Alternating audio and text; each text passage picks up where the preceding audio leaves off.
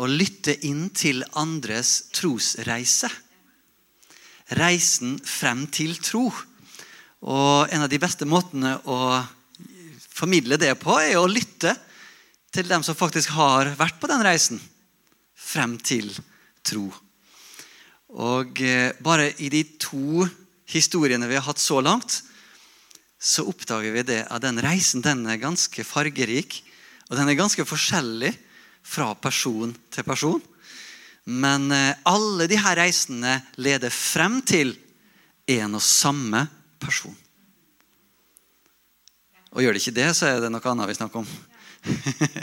Fordi nemlig den kristne tro både, dy, både enkelt og dypt handler om møtet med en person.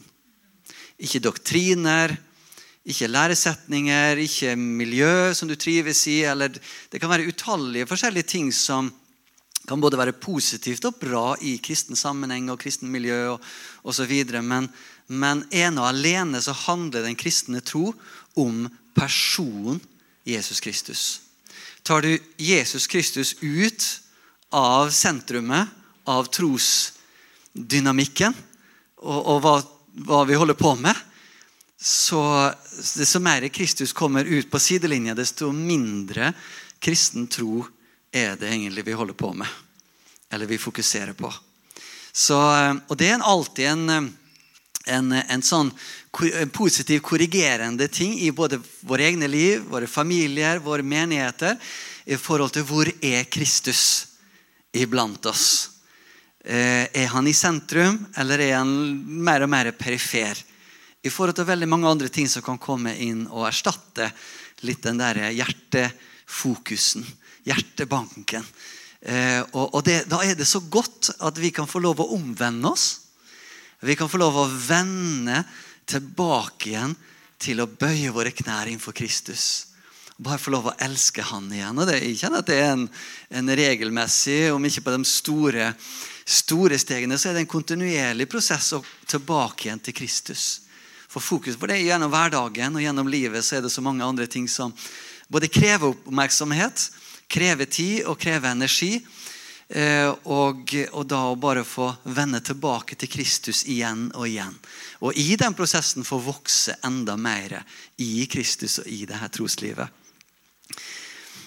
Å oppdage Jesus en personlig reise til tro. Nå har vi fått lytta til to historier som har med denne reisen frem til tro. Og Dette jo, ligger jo også i denne studien vi har nå i, i menigheten, om, eh, om det med trosfundament. For eh, jeg tror det trosfundamentet starter ikke etter du blir frelst. Det starter lenge før du kanskje blir frelst, men du, du, du begynner en reise mot tro. Så tro er gjerne det første store steget, eller første skiftet. Store skiftet i en disippelgjøring og i en disippelreise med Jesus. Det å komme til dette stedet hvor at jo, du er frelseren, og jeg vil gi mitt liv til det. Slik du ga ditt liv for meg på korset, vil jeg legge ned mitt liv for å følge det. Og det er det her vendepunktet, det trosvendepunktet. Um, og Det kan komme til på mange forskjellige måter, men likevel er det det samme grunnleggende som skjer med hver enkelt av oss. Og um, Så det å lytte til de her reisene er veldig, veldig viktig. Jeg har lyst til å, så, og Det er også en, en viktig, sentral del av prekena i dag. er det å lytte til de her reisene.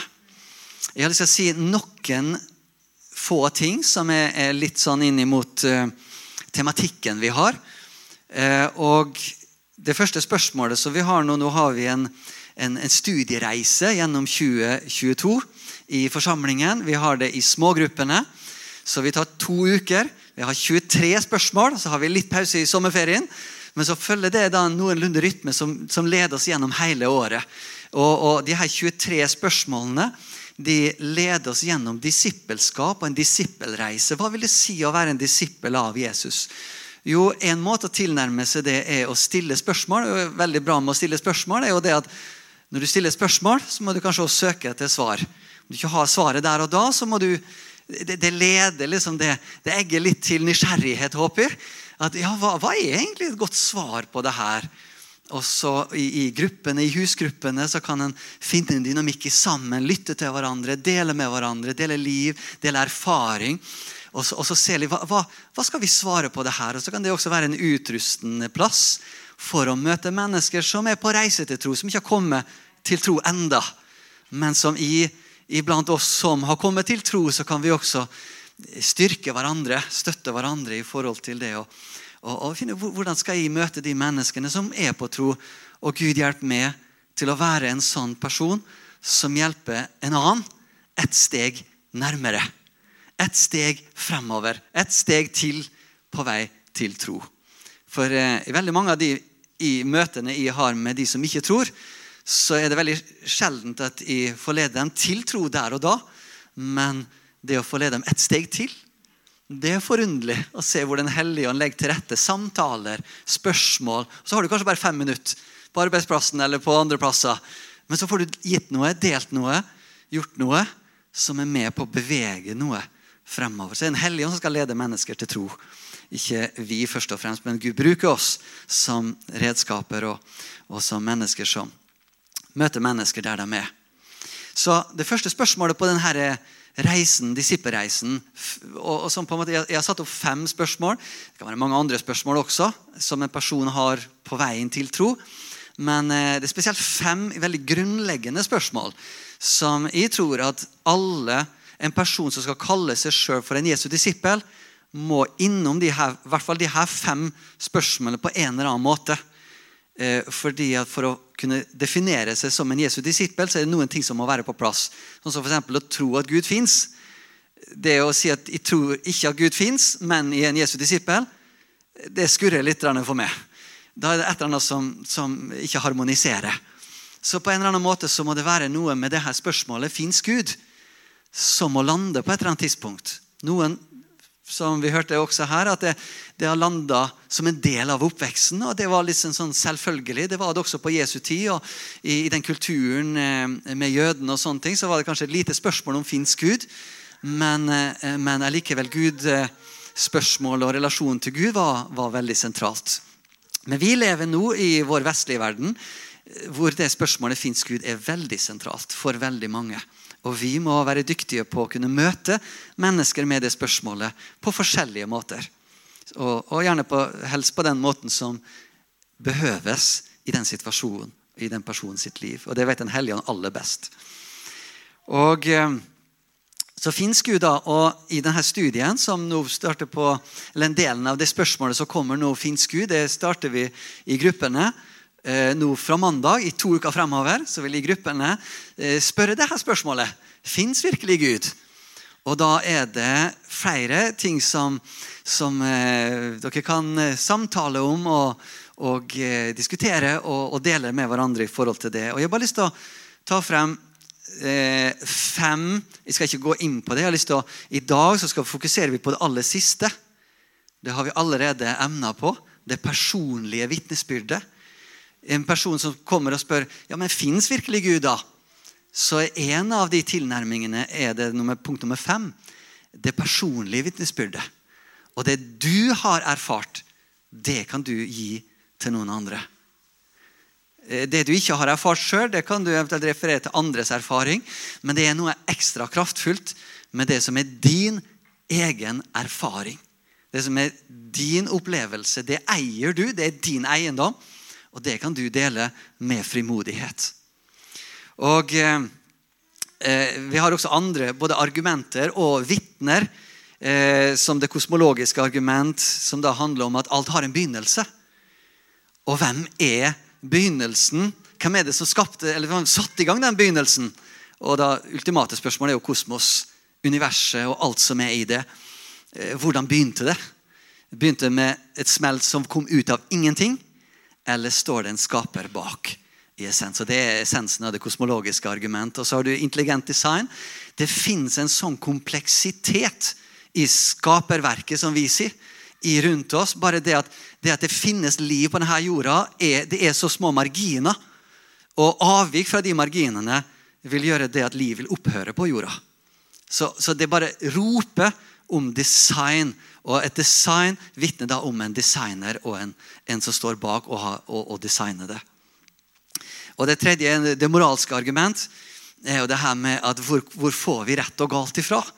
Og, og objektiv sannhet, eh, objektiv rettferdighet, det kommer ifra Gud. Og Det er en hel tankerekke, veldig fascinerende tankerekke også der. Og Som er også et spørsmål som mange mennesker eh, lurer på. Og så har vi det med mirakler, helbredelser, tegn og under. Det er jo også sånne ting som vi også hørte i vitnesbyrdet her, at når, det skjer uforklarlige ting, så er det også med på å ryste litt den her grunnlaget vi trodde vi hadde, og overbevisningen om at nei, men det er jo ikke noe mer. Ja, Men forklar det her, da. Og så blir du stående litt sånn stum og Jeg veit ikke hva jeg skal si.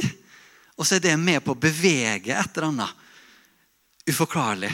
Og så, og så eh, jobber Den hellige ånd i det menneskets hjerte samtidig. Og så har vi det, det fjerde, som er da det personlige vitnesbyrdet. Og mennesker er, har så mange forskjellige utgangspunkt. Startpunkt. Noen vokser opp i en kristen familie. Andre vokser opp ikke i en kristen familie. Andre vokser opp i en veldig antikristen familie og antireligiøst eh, familiesetting. Eh, andre kan det være venner, eh, altså venner skole, eh, utdanning kan være med på å, forme. Så mennesker har, fra den ene til den andre kan ha veldig forskjellig reiseutgangspunkt. Og Jeg har lyst til å avslutte med et vitnesbyrd som tar en, en helt annen reise. og En del av de her spørsmålene som vi ser oppe her, som er litt, kanskje litt tekniske, men også veldig interessante. Noen er jo litt mer intellektuelle i tilnærmingene av livet og de store spørsmålene. Andre har en mer erfaringstilnærming og en opplevelsestilnærming. Så vi er skrudd sammen litt forskjellig. Så det gjør også det. Legger til i forhold til hvordan reisa vår blir. Men det er også viktig at de som har veldig behov for å reflektere og tenke og uh, gruble rundt de her spørsmålene, at vi også kan gi gode svar. Også i møte med spørsmål som, som er litt annen tilnærming. For noen de har ikke den, altså om, om det er opplevelser, så, ha, så er, berører ikke det så dypt. Men de har en, refleksjon og behov for å forstå visse ting og visse ting faller på plass. En hellig ånd møter mennesker også der. Og Det er veldig viktig at vi husker på at det ikke bare handler om opplevelse, men også det handler om at Gud møter oss der vi er, uansett hva spørsmålet måtte være. Og Gud, og Gud har et svar på alle spørsmål. Ikke vi har det, så har han det. For Han kan møte alle mennesker og lede alle mennesker til tro hvis de vil søke han og, og venne seg til han.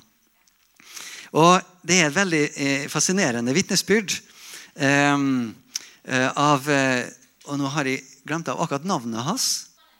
En gang til. Mats ja, Mats Valencia var litt annerledes navn. Så, eh, og han var ateist ingen snakk om noe tro, og han bestemte seg for han skulle motbevise det at Gud fantes.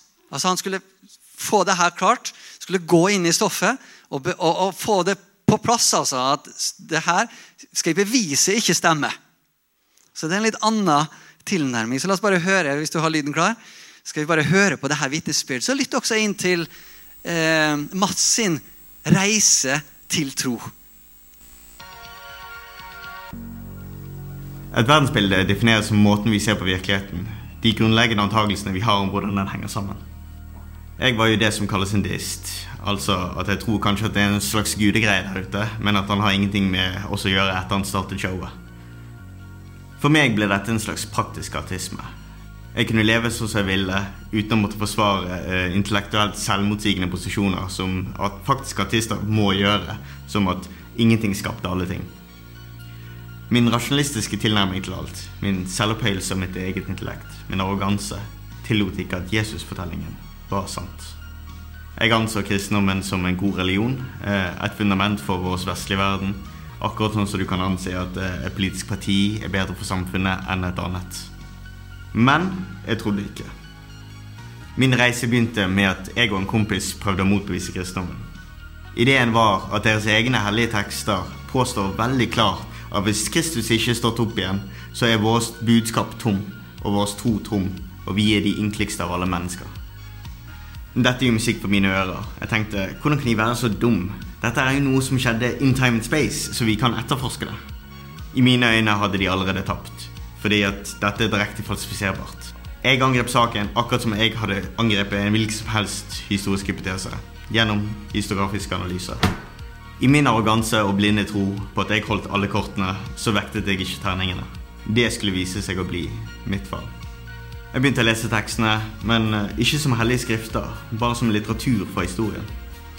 Jeg leste de påståtte vitneforklaringene av ukjente forfattere som uh, Matteus, Markus, Lukas, Johannes, samt brev fra de som påsto at de hadde sett det hele. Siden det ikke var hellige tekster for meg, så dro jeg også inn annen litteratur fra samme perioden. Uh, som Judas, Peter, Maria. Jeg dro også inn uh, Koranen, for den snakker også om Jesus på et tidspunkt. Jeg dro inn jødiske Talmud. Jeg dro inn sekulære historikere som Josephus og Tacitus. Jeg leste alt jeg fikk tak i. Jo mer jeg leste, jo mer tok depresjonen meg. Det jeg trodde jeg ville ta en helg, tok lengre tid. Til slutt så begynte jeg å vekte terningene jeg spilte med. Jeg tenkte jeg må jo gå glipp av noe. Så jeg begynte å lese antikristen litteratur. Som Fredrik Nietzsche sin Antikrist, som Bertrand Russell sin Why I'm Not a Christian, eh, eller Richard Dawkins sin Gud, en vrangforestilling. Men de rørte aldri Jesus-fortellingene. Jeg kom meg ikke rundt de historiske faktaene. Mannen Jesus Kristus var levende i punkt A. Han døde i punkt B. Han ble opplevd levende igjen i punkt C. Dette ble han opplevd av både grupper og individer. Både skeptikere, fiender og tilhengere. Jeg prøvde diverse naturalistiske bortforklaringer. Da sonteorien, myteteorien, blindgjengerteorien, uh, hallusinasjonsteorien, tyveriteorien Ingen av dem holdt vann i møte med de historiske dataene. Etter et halvår med etterforskning var jeg knust. Jeg uh, tok tilsynelatende feil. Min arroganse hadde liksom aldri akseptert at det var en mulighet engang. Mitt verdenssyn tillot det ikke, men jeg kom ikke rundt disse faktaene. Jeg klarte omsider å dra meg selv ut av det svarte, depressive hullet som jeg hadde falt oppi inni sjelen min. Og tenkte om dette faktisk er sant, så burde jeg kanskje lese dette om igjen. Ikke som en student som prøver å motbevise en av oppgaver, men som et menneske som søker Gud jeg kom ikke lange veien inn i Matteus før jeg leste at Jesus forkynte Vend om, for himmelriket er kommet nært. Jeg hadde lest ordene sikkert titalls ganger det siste halvåret, men denne gangen her var det annerledes. Jeg la fra meg Bibelen og satte meg ned på mine knær fordi jeg hadde sett på TV at hvis du skulle snakke med Gud, så gjorde du det på knærne dine. Jeg begynte å gråte fra dypet i min sjel eh, til taket for alt jeg visste. Jeg omvendte meg fra alle ting. Jeg tryglet Jesus om å komme inn i mitt liv som herre og frelser. Med et kraftig lys skjærte Guds nåde gjennom uh, alt. Mørket, tårene, meg. Ved Guds nåde ble mitt verdenssyn endret dramatisk. Og ved Herrens nåde ble jeg født på ny. Amen.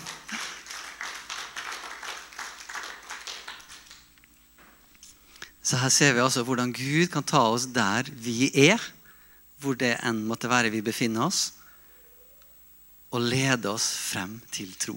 En reise frem til tro.